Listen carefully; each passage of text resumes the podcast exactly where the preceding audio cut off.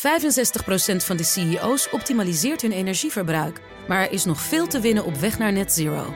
Meer weten? Ga naar pwc.nl slash netzero. Wetenschap vandaag.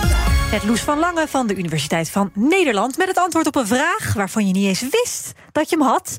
Welke vraag gaan we vandaag beantwoorden, Loes? Ja, de vraag is: kan je werkdag ook in zes uur? Oh, dat heb ik me heel vaak afgevraagd. Let's go. Dit zijn nog is- eens de vragen. Het hè? antwoord is ja, zou ik zeggen, maar jij weet het vast beter. Ja, nou ja, er zijn inderdaad verschillende productiviteitsgoeroes die zelfs zeggen het zou in vier uur kunnen. Ja. Eh, dus minder uur werken, zelfde productiviteit en natuurlijk het allerliefst tegen hetzelfde salaris. ja. Eh, klinkt mooi. Toch? Maar te mooi om waar te zijn? Nou, eigenlijk eh, zegt arbeids- en organisatiepsycholoog Annette de Lange van de Open Universiteit. Zij heeft een soort onderzoek voor ons gemaakt van, eh, of overzicht gemaakt van al het onderzoek dat hiernaar gedaan is. En zij zegt het optimale aantal uur om te werken, dat schommelt ergens tussen de vier en acht uur. Een mooie voorbeeldstudie die liet zien dat als je heel gepassioneerd bent over je werk, je bent eh, geëngageerd, betrokken, dan kan je best in vier uur in een soort diepe flow terechtkomen en optimaal presteren. Maar er zijn andere type werkzaamheden waarvan je zegt die zijn afhankelijk van de klant of patiënt of de studentcontact. Dat is de type taken soms ook wat ingewikkelder of complexer te noemen. En daarvan weten we van ja, die, die taakcomplexiteit en hoeveelheid taken zorgen er wel voor dat je gemiddeld meer uren moet verrichten. En dan is alles persen in vier uur gewoon bijna niet te doen. Ja, ze zegt dus eigenlijk het hangt af van de taken die je hebt. je en doet, ja, die je hebt. Ja, logisch. Eh, denk ook aan een verpleegkundige hè, die bijvoorbeeld tien patiënten op een dag moet zien. Ja, en Doe dat maar wel- op in vier uur, ja. daar, daar heb je dan eigenlijk te weinig tijd voor. En dat gaat ten koste van de kwaliteit. Maar zou het dan voor dat soort banen dus echt niet mogelijk zijn... om, om minder uren te gaan werken? Nou, het is in die sectoren inderdaad wel lastiger. Maar het meest verrassende vond ik, en daar focust zij op, ook op, dat het belangrijkste voor je productiviteit eigenlijk is hoe flexibel je bent. Dus denk aan dat je zelf kan bepalen wanneer je pauze neemt, eh, hoe flexibel je bent met roosteren. Dat je bijvoorbeeld 's ochtends een paar uur werkt, 's middags even gaat sporten of de Kees, kinderen ophalen. ik ga even met pauze. Ja, nu? dat is goed. Dat komt wel goed. Doe ik de volgende. Ja, is goed. Ja, dus, dus eigenlijk, en dat je dan s'avonds nog even je werk afrondt, kom jij even Ja. terug hier om de radio-uitzending Ja, precies. af te Even af te maken. ja. Maar eh, laten we het dan concreet maken. In hoeverre beïnvloedt die flexibiliteit dan je productiviteit? Ja, nou, uit, uit onderzoek blijkt dus dat als je je werk flexibel kunt organiseren, dan kan je dus meer taken aan en een hogere werkdruk aan. Eh, en dan wanneer je niet flexibel bent. En in dat geval hoeft werkdruk ook niet eens slecht te zijn. Dat kan zelfs goed zijn voor je efficiëntie. Denk ook aan een deadline. Hè. Dat geeft druk en zorgt ervoor dat je misschien iets sneller uit de vingers kan krijgen. Een zekere werkdruk voelen, gecombineerd met eh, gevoel van controle op het werk. Ja, dat is vaak wel juist heel aantrekkelijk. Zie je juist dat de prestaties hoog blijven, maar ook het welzijn optimaal is.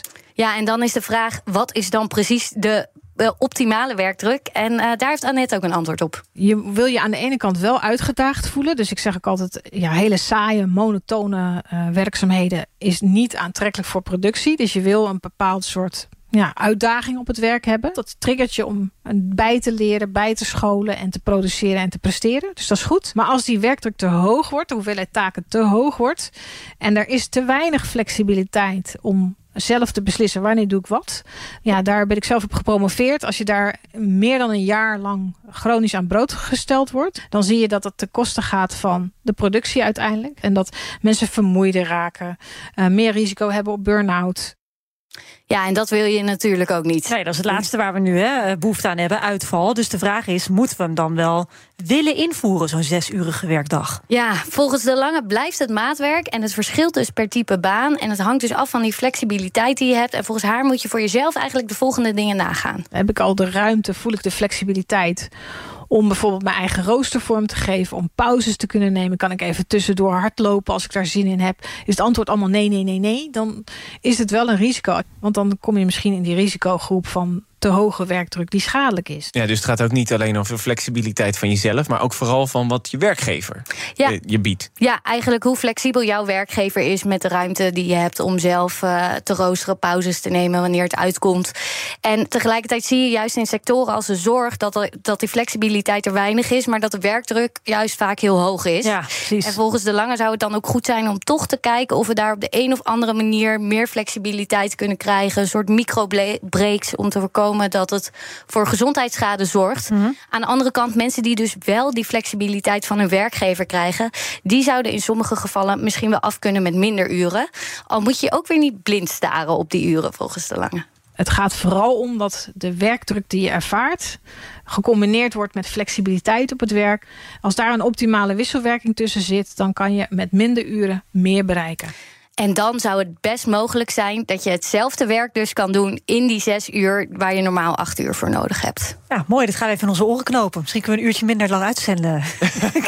Beetje, beetje, door, beetje doorkletsen. Eh, alles gewoon, alle onderwerpen in nou ja, anderhalf uur stoppen gewoon, hè? Ja, nou, ik denk, ben bang dat het toch niet gaat lukken. Nee, en voor mij hoeft het ook niet. Nee, nee. Dankjewel, Loes van Lange van de Universiteit van Nederland. 65% van de CEO's optimaliseert hun energieverbruik. Maar er is nog veel te winnen op weg naar net zero. Meer weten? Ga naar pwc.nl slash netzero.